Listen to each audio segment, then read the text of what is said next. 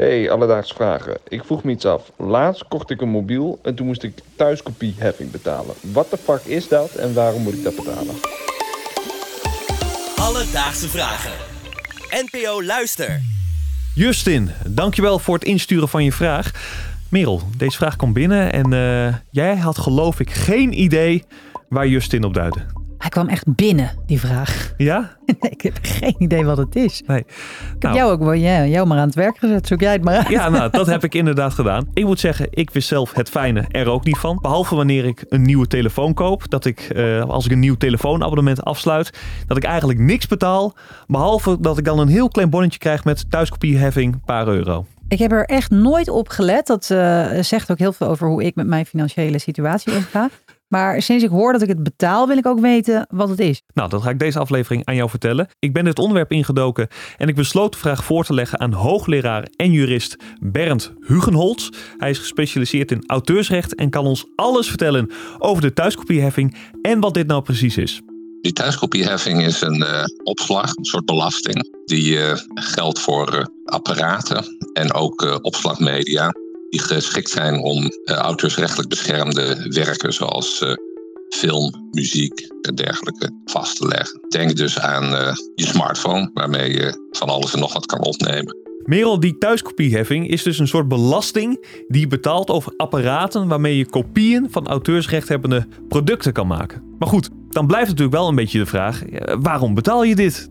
In de wet staat dat je zonder toestemming van de auteursrechthebbende, dus degene die eigenaar is van de content, privékopieën mag maken voor eigen gebruik. Normaal zou dat inbreuk zijn op het auteursrecht, maar in de wet staat het mag.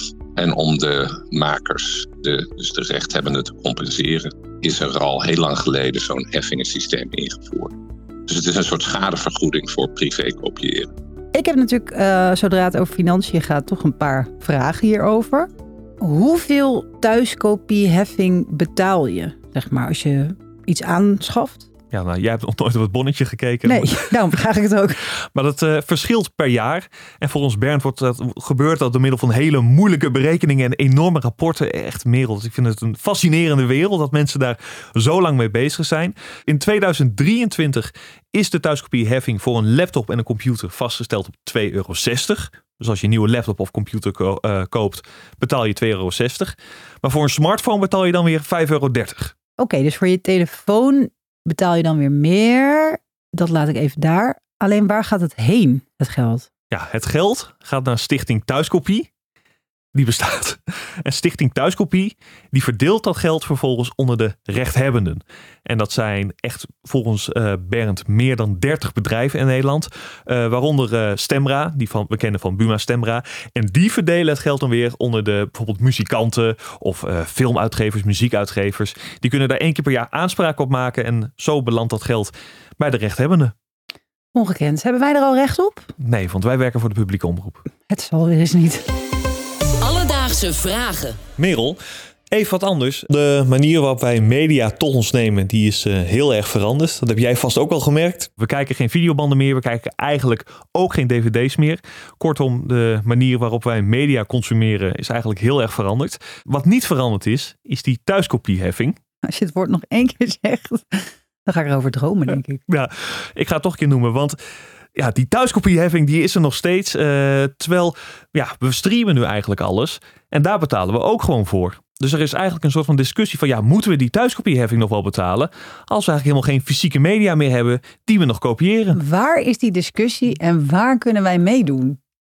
Nou, die is er. Ja, maar waar? Online, overal. Oh, oké. Okay. Nee, ja, goed. Je kan wel zien dat ik niet in de community van de thuis uh, kopieheffing zit. Nou, luister dan maar even naar Bernd wat hij over de discussie zegt. Die kritiek die is uh, bekend en daar valt inderdaad wel wat voor te zeggen. Het is inderdaad een beetje vreemd dat je als consument rechtstreeks aan Netflix betaalt, ook voor het recht om downloads te maken. En dat er dan tegelijkertijd ook nog een extra vergoeding daarbovenop komt. Er is ook over geprociteerd, over de vraag of dat wel terecht is. Uiteindelijk heeft het Europese Hof, die het hoogste woord heeft als het gaat om de interpretatie van allerlei auteursrechtelijke regels in Europa, heeft die gezegd: nee, dat zijn toch uh, verschillende betalingen. En het feit dat je al een contract hebt met Netflix betekent niet dat je ook uh, niet uh, een thuiskopievergoeding moet betalen. Maar je kunt daar anders over denken. Nou, dat wordt dus gedaan. Zeker. Ik eh, ga dit ook meenemen naar de kroeg. Ga ik Ja. eens even met mijn vrienden Ga het hebben over de thuiskopieheffing? Oh, oh, eerst dry January. Oh ja. Dus, Justin, in deze aflevering zochten we voor je uit... ja, wat is die thuiskopieheffing en waarom betalen we die? De thuiskopieheffing is eigenlijk een soort belasting... die je betaalt over apparaten waarmee je kopieën kan maken... van auteursrechtelijk beschermde producten. Het geld wat daarmee wordt opgehaald gaat naar Stichting Thuiskopie... die het vervolgens overdraagt aan rechthebbenden.